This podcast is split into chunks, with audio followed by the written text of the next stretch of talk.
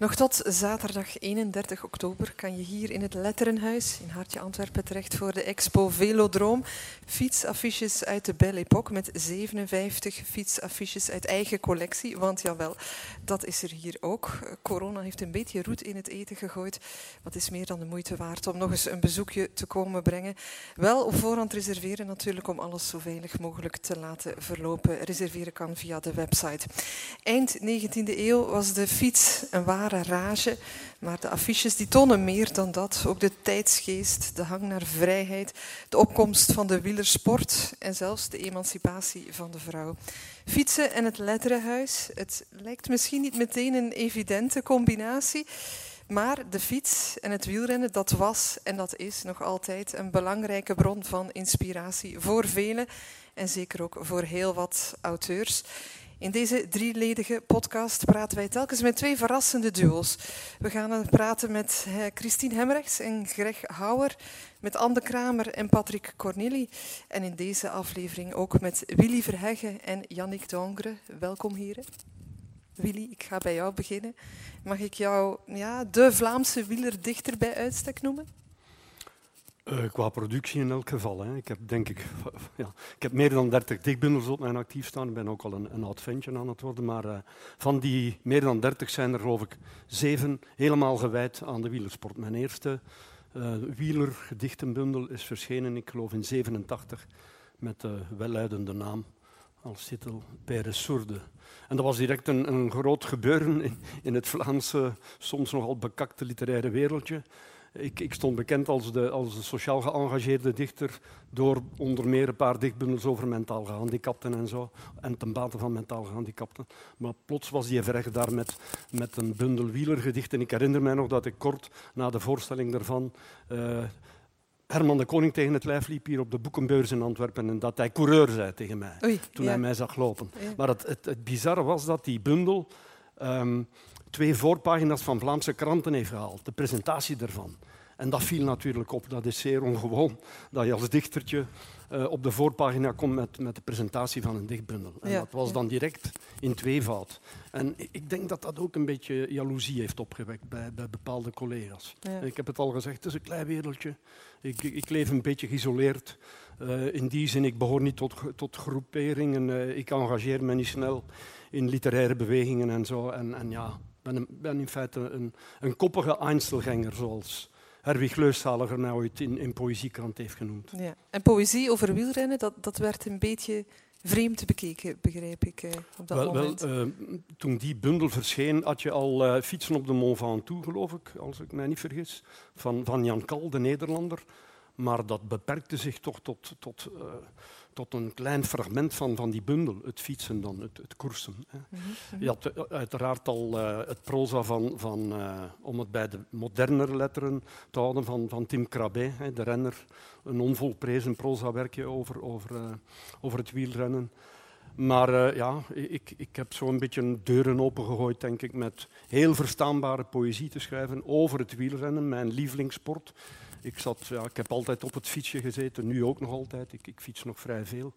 Uh, ik ben een mislukte coureur misschien. In ja? die zin, ja? ik had graag renner geworden. Ja? Maar ja, dat, uh, dat lukte maar niet thuis om, om dat erdoor te duwen. Ja. En lukte het dan meteen vlot om te schrijven over wielrennen, om, om poëzie te maken over wielrennen? Lukte dat dan wel meteen vlot? Ja, ik herinner me dat ik uh, al in mijn eerste dikbundel, die, die verschenen is in 1969, dat, dat is dus toch heel, heel lang geleden, ik was een goede twintiger, um, dat daar al een twee of drietal gedichten in stonden over de wielersport. Die ik veel vroeger had, ges had geschreven, toen ik denk ik een jaar of 16, 17 was. Ik herinner mij een gedicht over de Giro, over de Ronde van Italië, en een gedicht over, over de Zesdaagse. Ik was toen naar de Zesdaagse van Gent geweest in, in die... Uh, in het midden van de jaren 60 en dat had -hmm. nogal een indruk op mij gemaakt. Ja, van Looy reed nog, uh, Patrick Sercu was daar al de, de koning van ja. de Zesdaagse. Ik zie Rick Valoy, mijn jeugdidool, daar nog aan het werk. Ja. Ja. En dat heeft mij dan toch later geïnspireerd om, om meer wielergedichten te schrijven. Plots is daar een vonk ontstaan. Uh, ik dacht, nu gaan we maar eens werk maken van de koers. Ja. ja, en de koers en schrijven, zijn dat twee dingen die jij niet kunt missen? Oh, er zijn heel wat dingen die ik niet kan missen. Hè. Maar, maar, op een bepaald moment moet je ze wel, wel missen. Hè. De, de, bijvoorbeeld door het ouder worden. Ik, ik, ik heb nog... Uh, recent misschien een hoofdstukje afgesloten wat, het fietsen zelf betreft. Ik ben veertien dagen geleden met mijn jongste kleinzoon, 11 jaar oud, de Muur, de Bosberg en de Congoberg opgereden. Met als bedoeling, voilà, ik wil met dat ventje die drie hellingen in mijn buurt nog doen, hè, waarvan twee Ronde van Vlaanderen hellingen. Uh, maar het zou wel eens de laatste keer kunnen zijn, omdat dat korte, hevige inspanningen zijn. Hè. Ja, ja. De muur is, is uit twee kilometer klimmen. Maar ja, je hebt daar soms een stijgingspercentage toch van 20 procent. voor een elfjarige ook niet evident. Uh, ja, ik, ben, ben, toch al in de 70 en ik begin een beetje rekening te houden met dat motorken ook. Hè. Jannik, ik kom uh, even bij jou. Uh, dichter en auteur van de romans Vulkaanvrucht, Maartse Kamers en De Idioot en de Tederheid. Ook onder meer van de bekroonde dichtbundel Meisje dat ik nog moet. Ehm, ja, wat heb jij met wielrennen? goh. Ik ben niet per se een ongelooflijke wieler-fan, maar ik volg het natuurlijk wel een beetje. Eh, het kan niet anders dan Vlaming, bij wijze van spreken. Dat is waar, ja. En uh, het zat bij ons ook wel in de familie. Want mijn twee ooms die hadden samen een fietsenwinkel. Dus van jongs af aan zat ik wel, ook als ik daar langskwam, stond altijd de Tour de France op of welke koers het op dat moment ook was. Dus ik was er wel al van kleins af aan een beetje in ondergedompeld. Ja, en nu? Volg je dan nu bijvoorbeeld, eh, terwijl we deze opname doen, is de Ronde van Frankrijk aan de gang. Volg je dat op een of andere manier? Ik volg dat wel, ja. Niet dat ik elke dag kijk of zo, maar de belangrijkste bergritten volg ik wel en elke dag de uitslag en zo. Dus ja, ik volg het wel. Ja. Je ooms hadden een fietswinkel. Fiets je dan ook zelf? Uh, nee, dat heb ik eigenlijk. Ik vind het zelf eigenlijk niet zo leuk. Dus Oei. Ik, maar ik heb dat met veel sporten, dat ik het heel vaker veel leuker vind om te zien dan om het te doen. Ja, oké. Wat vind je er niet leuk aan dan? Um, ik vind er te weinig spel aan. Ik vind het heel leuk als er een soort ja, tennis, voetbal, dat je met het ene team tegen het andere en, en actiever en ook minder lang natuurlijk, want zo'n koers is vijf, zes uur. Dus mm -hmm, ik heb meer interactie nodig, ik zal het ja, zo zeggen. Ja, ja. Um, ik wil het met jullie vooral over de Ronde van Frankrijk hebben. Uh, internationaal het belangrijkste wieler-event. Dat zien we ook in deze coronatijden. Er werd echt alles aan gedaan, zodat die Tour toch zou kunnen gereden worden. Heeft jullie dat verrast, dat het uiteindelijk toch doorging? Want ja, het zag er heel lang heel moeilijk uit, maar toch, hè, de, de cijfers stijgen opnieuw en toch wordt er gekoerst. Heeft jou dat verrast, Jannik? Um, God, ergens niet, omdat je ook wel voelt dat mensen daar uiteraard behoefte aan hebben. Hè. Zelfs als er geen publiek zou zijn, kan iedereen het wel op tv volgen. Dus ja, mensen hebben toch echt behoefte aan een beetje het idee dat er nog een normaal en gewoon leven is en de dingen doorgaan en de mens als het ware sterker is dan dat virus. Dus um, ik had het wel gehoopt en verwacht. Eigenlijk. Ja, iets om de realiteit een beetje te ontvluchten dan, zeg maar.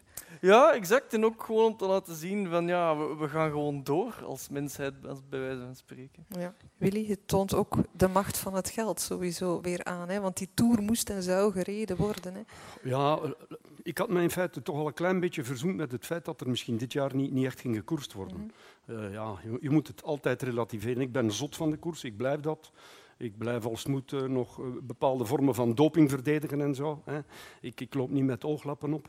Maar mocht de Tour nu niet doorgegaan zijn en hierop volgend dan al die klassiekers in de maand, eh, oktober vooral, ik, ik, ja, ik had er mij al een beetje mee verzoend, maar het is toch wel een plezant iets dat, dat die een directeur, de grote baas van de Tour, zelf met corona ja, zit. Vind ja, ik, ja. vind ik mooi. Hè? Maar er was direct al een Sophie Wilmes om hem te vervangen. Zo zie je maar, het circus draait door. Geen probleem. Ja, het circus draait door en de Tour moest en zou gereden worden. Het toont in elk geval het belang aan van de Tour. En de Tour heeft natuurlijk ook tal van auteurs geïnspireerd. Anke Verschuren, jonge actrice en auteur, is even in de collectie van het Letterenhuis voor ons gedoken. En ze vond er onder meer dit. Fernand Aura, mooie gekwetste ziel. Later werden grootscheepse pogingen ondernomen om hem, Fausto Coppi, af te takelen.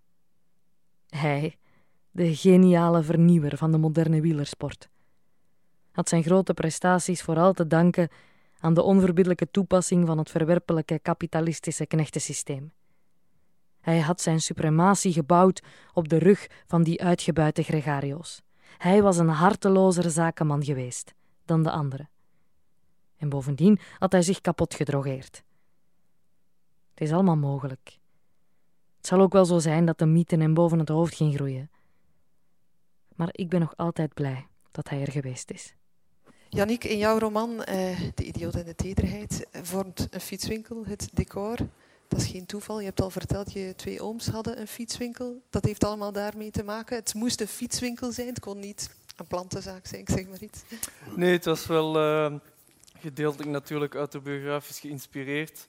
En uh, ook omdat die fietswinkel op mij altijd wel zo'n indruk maakte voor een kind. Oh, mijn onkels hebben een winkel en, en de tour staat er altijd op en mensen komen daar... Want dat was bij ja, een best chique fietsenwinkel, waar ook echt de, de grote, dure modellen werden verkocht en, ook veel bekende mensen kwamen eigenlijk. Dus um, ja, ik was daar wel als kind heel erg door gefascineerd. Dus het leek me dan wel interessant om in dat boek um, dat te gebruiken, omdat ik dat echt van binnenuit kende. Ja, als kind een beetje een speelgoedwinkel. Ja, dat, is exact, dat was het gevoel, nou, een soort speelgoedwinkel van, uh, van de sport. Ja, ja, ook de Ronde van Frankrijk uh, komt in het boek even voorbij, hè? de tijd van uh, Fignon. Ja, maar voor mij begon het, want Fignon heb ik zelf niet meer meegemaakt, maar um, bij mij was het meer de jaren 90, Pantani en zo. Dat was, dat was eigenlijk mijn grote held toen, Marco Pantani. En waarom? Goh ja, dat is zoiets... Om nu over die heroïek te praten, dat was nu echt een soort held. En dan zo Il Pirata met die bandana nog, toen je nog geen helmen moest dragen. En ik, ik zal me altijd herinneren, die ene fantastische ontsnapping naar uh, de Alpe d'Huez die hij daar wint. Het is echt waar alles, alles aan flarder in het gele pak en die bandana, dat is echt... Voor een kind is dat, is dat wauw. Ja, ja, ja, een piraat op een fiets hè, en dan iedereen aan gort Zo rijden. Wel echt, dat is fantastisch. Ja. Maar het valt wel op dat wielerhelden, dat zijn vaak de mannen uit het verleden, denk ik, in, in de opvatting van de mensen. Het is niet dat je ja, Greg van Avermaat zo'n heldenstatus. Mhm. Ja, het probleem is natuurlijk dat het wielrennen enorm geniveleerd is. Hè. Het is. Door ook veel minder doping is het menselijker geworden en dus de verschillen zijn kleiner. Terwijl vroeger natuurlijk, mede dankzij die doping, kon je iemand volledig aan flarden rijden. Hè. En, en ja, dat geeft dan zoiets heroïs, een soort wat veel mensen eigenlijk zoeken in topsport, een soort van helden en supermensen. Hè. Een soort absolute supermensen die de rest tot simpele stervelingen degradeert. En dat zat er vroeger natuurlijk veel meer in met de Pantanis, Armstrongs, de Merks. Ja. Noem maar op. Bijna niet, niet realistisch, hè? Bijna ook weer ja, een vorm van ontvluchten, zeg maar. Ja, precies. Dat is, ook, dat is wat we er ergens in zoeken in topsport. Iets wat wij zelf niet kunnen en iets dat bijna bovenmenselijk is. Het heeft bijna soms de functie van religie voor sommige mensen. Ja, ja. Willy, zie jij ook een, een evolutie in de renners. Je hebt heel wat eh, grote namen ontmoet. Uh, je had het hier net al over Armstrong, mm. maar er zijn nog veel andere mannen. Ik vermoed ja. een, Greg van Avermaat en een Oliver Naassen. Ja. Dat is iemand heel anders hè, ja, dan, dan, die mannen. retroactief heb ik nog altijd het meeste respect voor, voor die goede oude renners die al allemaal dood zijn. Hè. Ik heb het ooit in mijn gedichten Flandriens geschreven. Hè. Ik heb bij mij thuis nog Brik Schotten op bezoek gehad. Een crème van een vent, fantastische figuur. Hè bij momenten quasi onverstaanbaar met dat bizar West-Vlaams taaltje. Maar zo'n mooie, kromme coureur op die fiets. Hè. Die, die zat niet gebeiteld, die was mismeesterd op de fiets. Hè. Dat, dat, dat, dat, dat ging allemaal schots en scheef, dat lichaam. Maar hij deed het dan toch maar. Hè. Maar bijvoorbeeld om direct die grote sprong naar vandaag te maken. Als je ziet wat, onze dierbare vriend Wout van Aert aan het presteren is, dit jaar hè, wint daar de Strade, wint Milan Sanremo. Die man is, is, is zich uh, aan het ontpoppen tot een held. Hoor. Inspireert het je al tot poëzie? Ik, tot heb, ja, ik heb zo voor, voor mijn, voor mijn uh, kleine kennissen en vriendenkring schrijf ik soms s'avonds na een overwinning wel eens een gedichtje dat ik dan rondstuur. Mm -hmm. Jannik, zou zoiets, zo'n sportieve prestatie jou kunnen inspireren tot schrijven? Um, goh, één specifieke sportieve prestatie waarschijnlijk niet, maar wel zo het hele ja, heroïsche gebeuren wel. Zo, zo drie weken lang die tour en, en de, de tragiek van iemand daarin die, die dan bijvoorbeeld alles verliest ook, zoals Froome een paar jaar geleden die dan na een week moet opgeven en zo. zo. Ja. Die menselijke tragiek zou mij wel kunnen inspireren. Niet per se dan tot een sportgedicht, maar wel om die tragiek dan in, in, in iets anders te gebruiken. Ja kan misschien een idee zijn voor komende roman, komende bundel. Het zou kunnen, maar de volgende is al uh, volop in voorbereiding, dus okay, het zal voor ja. die daarna zijn. Ja, ja, okay. Jos van de Loo, de beklimming van de Mont Ventoux. Zelfs een kampioen en ronde specialist als Eddy Merckx heeft het daar ook moeilijk gehad. Ik geloof door gebrek aan zuurstof, want de lucht daarboven is ijl en dan kun je bijna niet meer ademen. En die arme Tom Simpson dan. Die heeft de rotklim naar dat mottige weerstation op bijna 2000 meter hoogte met zijn leven betaald. Een heel dure prijs vind ik dat. Nu heeft hij bijna op de top zijn monument.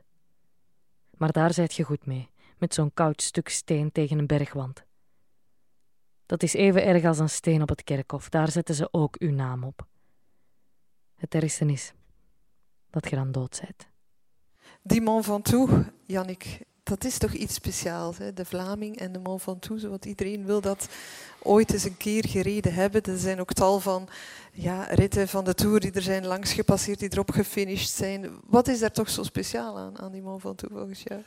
Goh, ja, het heeft zo'n unieke... Het feit dat het zo'n kale berg is en dan ja, de wind vol. En, en, het ziet er gewoon anders uit dan die andere bergen. En, en daardoor... En door een paar mythische overwinningen die daar natuurlijk ook zijn gebeurd, is dat toch een soort... Ja, voor mij is de Tour ook... De eerste twee woorden die bij mij opkomen zijn Alpe d'Huez en Mont Ventoux. Dus die twee, dat is zo de heilige twee-eenheid van de Tour die, ja, die er gewoon bij horen. Ja, ja. Het zorgt ook voor ja, een vorm van heroïek. Hè. Degene die, die het snelste die berg opraakt, dat is een soort van ja, held. Uh, die heroïek, is dat iets, ja, iets wat echt behoort tot het wielrennen en wat het succes van het wielrennen ook echt maakt? Ja, ik denk dat dat wel echt het unieke is aan die sport. Hè. Dat het een soort... Het is constant een gevecht tegen jezelf vooral. Hè. Mhm. Dus en zeker dan die uren en uren, dus echt de totale uitputting nabij en, en dan toch doorgaan, daar zit echt iets, iets heel heroïs in. En zeker dan in, in het decor van die bergen ook. Hè. De mens die, die die enorme bergen moet bedwingen, dat, ja, dat zijn helden dan. Hè. Nu, bij die heroïek en bij die dramatiek hoort, hoort ja, vaak ook bedrog. Uh, Simpson bijvoorbeeld, mm doping. Wordt dat voldoende weergegeven in de literatuur? Wordt dat niet te vaak verbloemd? Um, goh, ja, het probleem is natuurlijk dat het altijd pas achteraf bekend is geraakt. Dus soms echt 10, 20 jaar na dato. Dus het is soms best moeilijk om daar op het moment zelf dan een, een oordeel over te geven. En we gaan ook nooit weten hoeveel zich juist gedopeerd hebben en, en, of de ene dan betere doping dan, het, dan de andere en zo. Dus, want dat vond ik altijd wel het feit van ja, als iedereen gedopeerd is, is het ook weer eerlijk. Ja. Dus ik herinner mij een, een statement van, uh, ik denk dat Michael Bogert was, toen de hele hetze met uh, Lance Armstrong uitkwam. En weet je wat Bogert zei? Die zei, ik heb nog meer respect gekregen voor Lance Armstrong, want ik dacht dat hij iets anders pakte dan wij. Maar die pakte gewoon hetzelfde. Dus die was gewoon de allerbeste. En die reed toch sneller dan ja, de rest. Dus, ja, ja. Oké, okay, zo kan je het natuurlijk ook gaan bekijken. Uh, Willy, um, dat tragische verhaal van Tom Simpson, je hebt daar ook uh, een werk over geschreven, Het geel, de renner en de dood.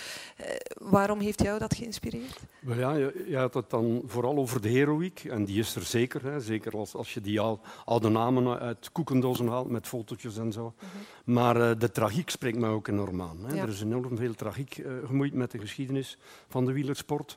En ik heb ja, inderdaad drie jaar geleden uh, mijn voorlaatste bundel over de wielersport was een bundel helemaal gewijd aan, aan die dramatische dagen rond de dood van Tom Simpson. Ik ben daarvoor uh, zijn graf gaan bezoeken hè, in, uh, in Yorkshire.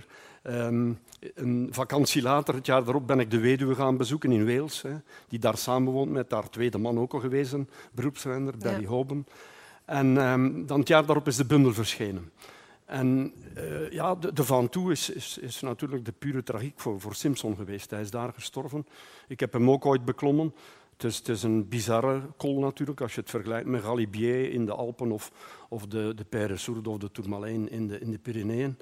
Maar ja, ik ben gefascineerd door, die tragiek. En ik heb dan nogal proberen uitpuren, uh, dat, dat grote drama dat Simpson toch geweest is. Hè. Die combinatie van hitte, zware inspanning, doping, alcohol, uitputting. Ja, een heel bizarre mix. En, en, ik wou die figuren die er nog zijn... Ik heb ook renners geïnterviewd toen. Hè. Ik ben bij Van Springel geweest, die toen ook meereed. Uh, uh, heel bizarre dingen toch meegemaakt. Ik stuurde een mailtje naar Merckx, geen enkele reactie. Nog eens geprobeerd, want hij is ploegmaat geweest van Simpson mm. bij Peugeot. Ja. Hè, in, het midden van, in het begin van zijn, van zijn carrière. Geen enkele reactie gekregen na twee mailtjes. Ik bel naar Rick van Looy En die was zeer nors aan de telefoon toen ik hem zei. Ik zeg, Rick, je hebt, toch, hè, je hebt nog gekoerst met, met Simpson. Het was een, generatiegenoot. Ik wil daar niet over spreken. Uh, nee, Willy, je moet niet aandringen. En ik drong dan toch een beetje aan, want ik ben wat pitbullachtig. Maar uh, hij, werd, hij, werd, echt heel lastig en ik heb moeten afleggen. Ja. Om je maar te zeggen, bij velen is dat nog altijd een taboe als het om doping gaat. Hè. Ja. Ik ben een van de weinigen die dat nog draagt. Hè, in het, ik zal maar zeggen, in het ruimere wielermilieu. Ook, ook het Lance Armstrong kankerbandje. Ik blijf dat dragen. En waarom? Maar, waarom? Omdat, ja, ik, ik, pijnlijk natuurlijk. Ik, ja, we hebben ooit ons oudste zoontje aan kanker verloren toen hij tien was.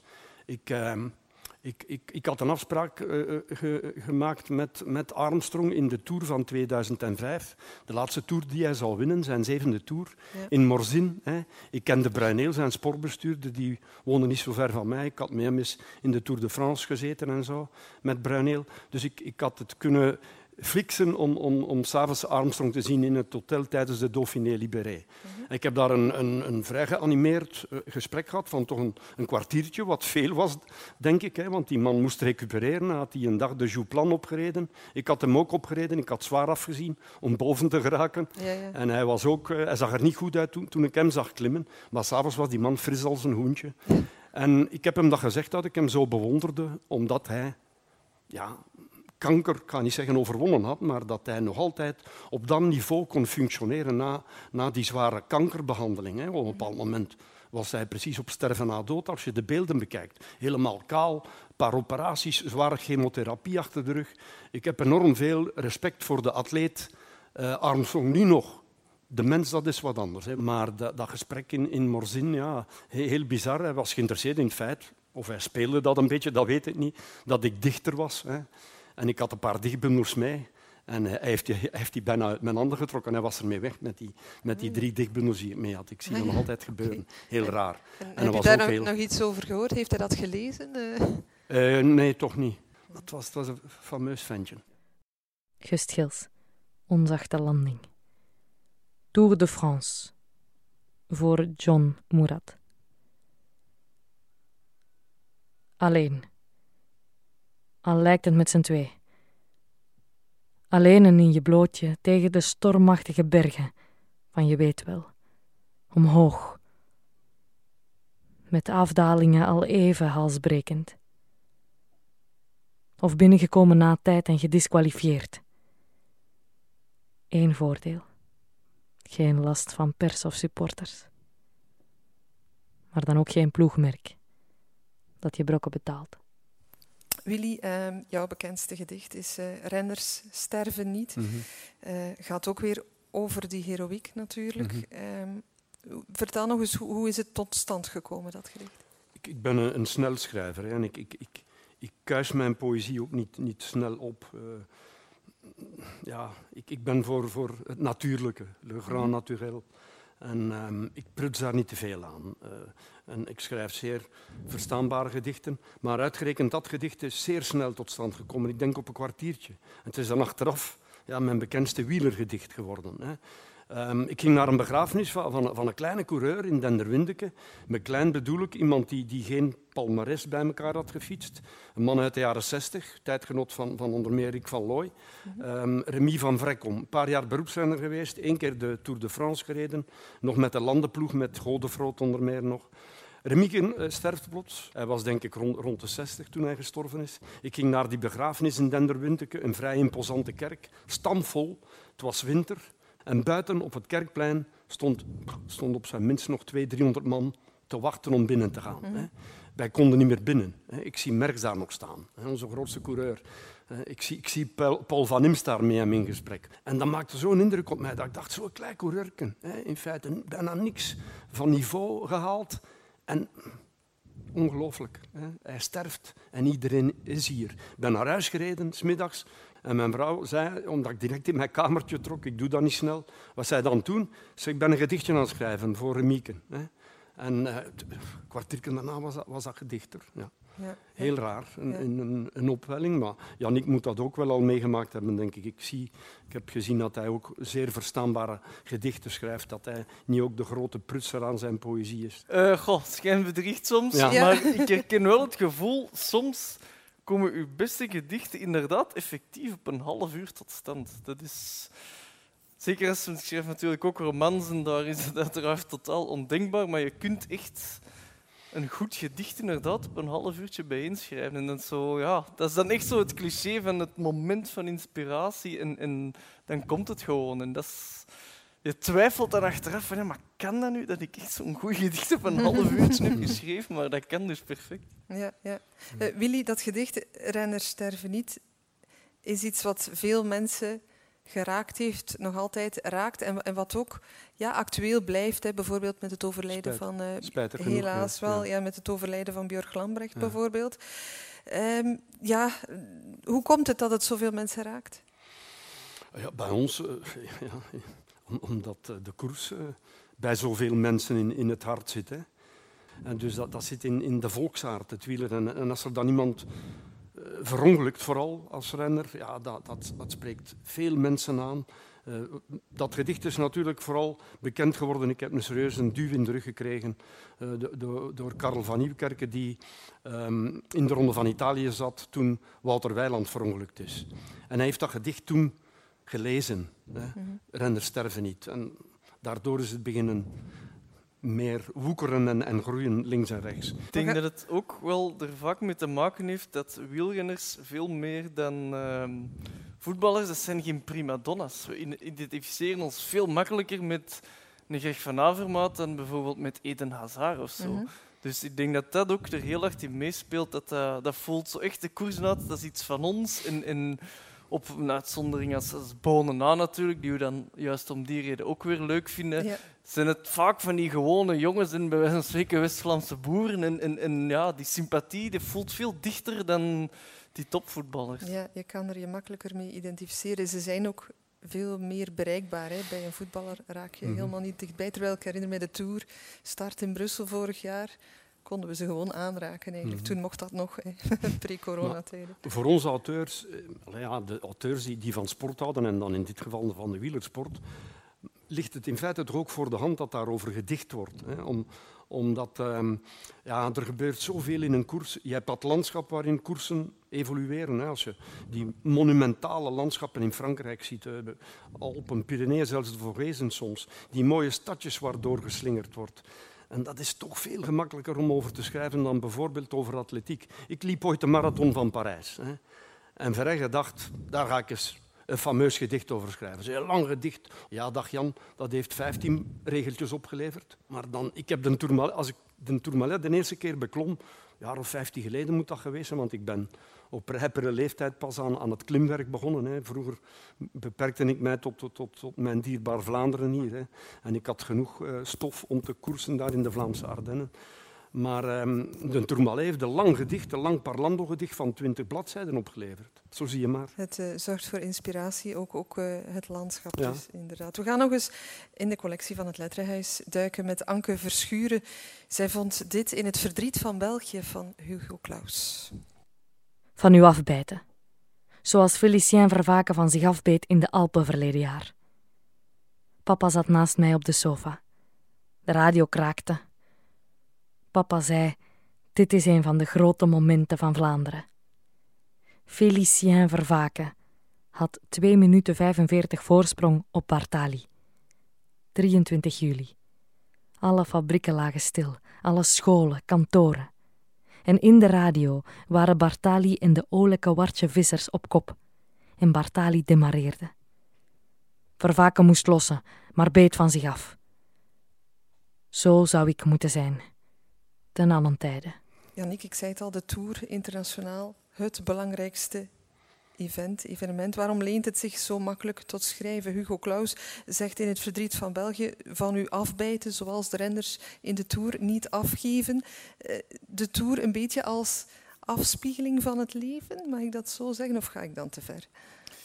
Goh, je kunt het er natuurlijk wel in zien, maar het is natuurlijk het feit de meest prestigieuze wedstrijd is. En ook wel bij uitstek die wedstrijd met de heroïek. Hè. Want ja, bij een eendagskoers is het toch ja, als die ene goede dag, dan, en het, is, ja, het is beslist. Terwijl daar, goede dagen, slechte dagen, in die zin is het natuurlijk wel meer zoals het leven. En het bouwt ook vaak ja, op naar de derde week, waar dan het zwaartepunt ligt. Dus ehm, in die zin is het, zorgt voor variatie en voor heroïek. In die combinatie dan ook nog eens met Frankrijk, dat natuurlijk vlak bij ons is, de favoriete vakantiebestemming van, van de Belg. Dus um, het zijn al die elementen die ons natuurlijk heel hard aanspreken. Ja. De Tour heeft ook eh, een tijd lang een groep dichters, een groep auteurs geïnspireerd tot eh, Geelzucht, was het, van 2010 mhm. tot 2014. Willy, jij was daarbij. Uh, dat was schrijven aan het tempo dat er gereden werd, elke dag een gedicht? Ja, wij hadden een afspraak gemaakt op voorhand. Wij waren gewoon met een viertal dichters. We hebben dat een jaar of vier, vijf gedaan. Patrick Cornier komt hier ook, heb ik ja, gehoord. Dat is, Die zat daar ook tussen. Um, maar we maakten op voorhand een afspraak wie over welke rit ging schrijven. En uh, s'avonds uh, ja, ging dat gedicht naar, naar Paulette. Die, hij heeft die allemaal mooi verzameld en er werd een boekje van gemaakt. Ja. Maar uh, ik, ja, ik heb ooit eens voor, voor, voor een site elke avond een gedicht geschreven over de voorbije rit. Hè. Um, er was een Hollander die mij dat gevraagd heeft. Hij heeft mij wel lelijk liggen gehad, want hij had mij een en ander beloofd hè, ter vergoeding. En er is niks van in huis gekomen, om je maar te zeggen ja, hoe, hoe, hoe, dat soort werk wel eens uh, slecht kan aflopen. Hè. Maar ik had daar weinig of geen problemen mee om, om s'avonds zo'n soort ready-made, dat ging altijd zeer snel, dat moest ook, want het moest dezelfde avond op, op, uh, op het internet staan. Ik heb dat een jaar of zes, zeven geleden eens gedaan. Ja. Ja. Jannik, zou dat iets voor jou zijn? Zo, ja, echt vroeten bijna, denk ik. Hè? Elke dag toch iets moeten klaar hebben? Ja, ik heb, wel, ik heb ooit hetzelfde gedaan. Dat, dat ging dan niet over sport, maar dat was ook zo 40 à 60 dagen lang om de één of ten maximum twee dagen zoiets iets, uh, presteren. En sommige dagen gaat dat goed en andere wat minder, maar uiteindelijk kun je altijd wel iets verzinnen. Dus... Ja, ja, dan voel je je misschien ook een beetje een topsporter, een coureur. Ja, want dat is zo constant die druk en dat voelt dan inderdaad meer als presteren. Terwijl dat, dat natuurlijk bij gewoon een dichtbundel maken of een roman veel minder voelt. Ja. Ik heb begrepen dat Geelzucht later uh, pen en pedaal werd en uiteindelijk een beetje is weggedemsterd. Ja, het is gedaan nu toch, hè, al een paar jaar. ja. Hoe komt het dat, het dat het weggedemsterd is? Nee, ja, je kan dat ook niet eindeloos doen natuurlijk. Hè. Ja. Eh, er was een klein publiek voor om, om die bundels dan te kopen. Maar na verloop van tijd valt dat stil. Nou, als je je herhaalt, ik voel dat zelfs met mijn wielergedichten, dat die, ja, die belangstelling toch vermindert. Poëzie, uiteraard, uh, verkoopt al niet zo goed. Hè. Dat is al een, een buitenbeentje in, in, het literaire wereldje, maar uh, ja. Janik, hoe komt dat, dat het niet aan Heb jij daar een verklaring voor? Uh, goh, ja, het probleem zit volgens mij uiteraard in het onderwijs, waar dat, dat gewoon veel minder aan bod komt, de poëzie. Dus als mensen daar op 16, 17-jarige leeftijd niet mee in aanraking komen, is het veel moeilijker om later die liefde voor poëzie te ontwikkelen. En het grote probleem is natuurlijk ook dat er zoveel meer ontspanningsmogelijkheden zijn voor die jongeren, dat je echt alleen nog de echt, echte diehard liefhebbers hebben die gaan lezen.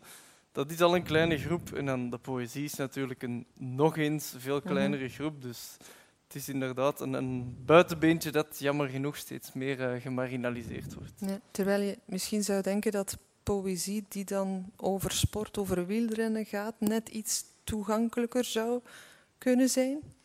Ja, dat zou kunnen. Maar het probleem is natuurlijk ook dat we in een beeldcultuur leven. En dat de jongeren dan liever naar zoiets grijpen dan naar een gedicht. Willy, verkies je eigenlijk de wielerwereld of de literaire wereld? Bizarre vraag. Uh, Bizarre. Ja, ik kan er moeilijk op antwoorden. Uh, ja. Nu, als, als 73-jarige, ik zou in feite liever een goede wielrenner geweest zijn, achteraf bekeken. Klinkt heel raar, hè? Nee. Ja, ja. Dan een, dan een mediocre Echt waar, ja, ja, dat blijft zo kribbelen. Hè. Ja. Maar ik raak ook meer en meer bewust van het feit hoe, hoe, hoe hard en hoe zwaar die sport is. Er zijn misschien uh, wereldwijd meer wielrenners die standbeelden hebben gekregen dan, dan auteurs. Ja. Ook in Vlaanderen. Er staan verschillende standbeelden hè, ja, ja, in Vlaanderen absoluut, voor absoluut. wielrenners. Ik heb er zelfs een beetje toe bijgedragen met een tekst die er gewoonlijk bij staat, of heel dikwijls bij staat, hier in het Antwerpse nog in Aartselaar bij het beeld of de buste van Rick van Steenbergen. Ja. Maar ik herinner me bijvoorbeeld, ik heb, ik heb een tweetal bundels over de wielersport gepresenteerd in mijn stadje in Inhoven, in het cultureel centrum, voor een bomvolle zaal, hè, voor meer dan 300 man. En dat kwam niet door die dichtertje Verheggen, hoor, Dat kwam door het feit dat op die uitnodigingen wielrenners vermeld stonden. Fragment 2 uit Het verdriet van België van Hugo Claus. Wij gaan naar de verloren weide. Onkel Robert was bang voor de nieuwe kipper van Stade Wallen. Een beetje marcheren zal u deugd doen. Nonkel Florent stond op beide trappers en wiegde. Zo staan de spurters, de prinsen van de wielersport, in hun surplace. Maar ook de klimmers van de Tour de France, bevroren op een krantenfoto, met achter hen de hemelhoge besneeuwde bergen. Felicien vervaken met zijn petje op. Een grimas van pijn kliefde zijn gezicht vol zwarte vegen. Hij zal de Tour winnen dit jaar. Nonkel Florent schoot naar voren en riep over zijn schouder. Zorg dat je op tijd zet om te kaarten, hè, papzak. Jannik Willy was liever wielrenner uh, geweest. Zou jij kunnen aarden in die wereld, in dat wielerwereldje? Goh, nee, ik denk dat niet. Ik denk niet dat de schrijverswereld fantastisch is, verre van. maar bij mij was het toch altijd eerder uh, schrijver of kunstenaar worden dan wielrenner. En ik vind ook de ongelooflijke tragiek van het wielrennen of van topsport is in het algemeen. Ten laatste op je 40 is het gedaan. Hè. En dan de rest van je leven leeft je met die herinneringen en met de adrenaline-rushes die je nooit meer kunt halen. Daarom zie je nu ook bijvoorbeeld zo'n Tom zich nu op de rallysport en dat soort dingen smijten. Ja. ze zoeken terug die kick dat ze ooit hebben gehad.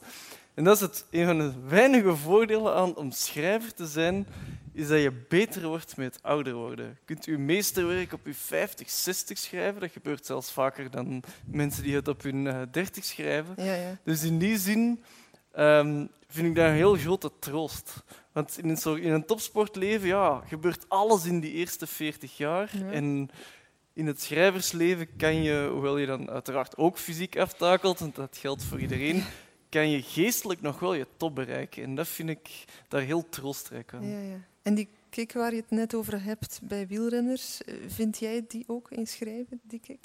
Nee, die kick vind ik in andere dingen. Schrijven, dat is... Uh, ja, dat is meer dat is een zingeving. Hè. Dat, is, dat is mijn roeping, dat is wat ik wil doen, wil doen moet doen.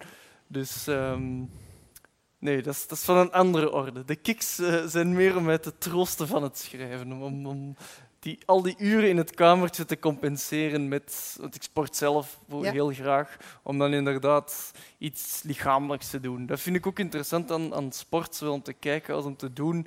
Je zit als schrijver constant in je hoofd eigenlijk.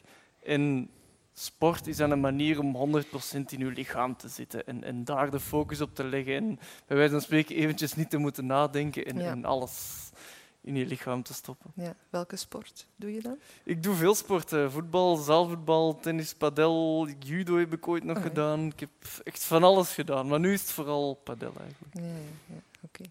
Jannik, we hebben daarnet samen even uh, de expo Velodroom hier bekeken met de, de affiches. Is er iets speciaals dat je geraakt heeft? Um, ik hou heel erg van die stijl, hè, want uh, ook qua literatuur is eind 19e eeuw zo'n beetje men dat daar. En dat is, ja, dat is die decadente stijl. Hè. Dan Alphonse Mucha, die daar ook uh, voor bekend is en zo. Dus die, die stijl trekt me heel erg aan. Mm -hmm. En dan heb ik ook zo... Ik heb dan vaak ook de gedachte van... Goh, zo mooi maken ze de affiches toch niet meer vandaag. Nee, dat is waar. Ja, dat, dat kwam in mij uh, ook absoluut uh, op. Zeker een aanrader voor de mensen die naar de podcast luisteren om uh, toch nog eens een bezoekje te komen brengen. Dat kan nog tot 31 oktober, zeg ik nog eens, hier in Antwerpen in het Letterenhuis. Hier, ik ga nog even naar jullie toekomstplannen peilen. Willy, waarmee ben jij bezig op dit moment? Oh, mijn jonge, veel jongere collega geeft mij nog hoop. Hè. Ik, ik, hoop ook nog een meesterwerk te schrijven. Nee, ik, ik werk aan een bundel over, over um, het drama Oradour. Ik ben zwaar met de tragiek van de mens bezig. Ja. Dat, dat, spreekt mij ook zo aan in die wielersport. Hè. Dus Oradour. Um, die is bijna rond. Hè. Ik heb foto's genomen ter plekke, een jaar of twee, drie geleden. Um, ik heb een volledige bundel opnieuw klaar met wielergedichten, misschien wel 150, 200 bladzijden. Dat zijn dan de gedichten die de laatste 7, 8 jaar in het uh, Hollandse, het Amsterdamse tijdschrift De Muur onder hoofdredactie ja. van Bert Wagendorp verschenen zijn. En ik hoop, uh, ik hoop nog eens een roman te schrijven ook. Okay. Over, over mijn jeugd in de jaren 50 vooral. Ehm, en daar zit de wielersport ook in, want dat gaat dus zeer ver. Mijn liefde voor die sport is waarschijnlijk ook een beetje aangewakkerd door mijn grootvader langs moederskant, grootvader Jean-Baptiste. En ik zie die nog altijd staan wenen aan de krakende radio toen hij naar de Tour de France luisterde. En als er een Belg won.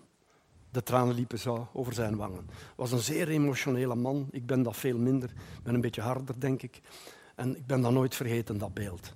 En hij had ook een zoon, zijn oudste zoon, die nog gekoerst heeft. Maar geen platte prijs gereden. Dus een onkel van mij. Zat toch een klein beetje in de familie, langs moederskant. Oké, inspiratie genoeg, ja. dat hoor ik. Jannik, uh, hoe zit dat voor jou? Je bent ook bezig intussen al uh, met een nieuwe roman? Ja, ik ben wel al een uh, tijdje bezig. De vorige is ook al wel enige jaar geleden. Ja. Dus, maar ik zit al best vrij ver en normaal gezien zou die er in 2021 toch moeten komen. Oké, okay, goed. Veel succes daarmee. Jannik Dangre en Willy Verheggen, dank je wel. Wij danken u.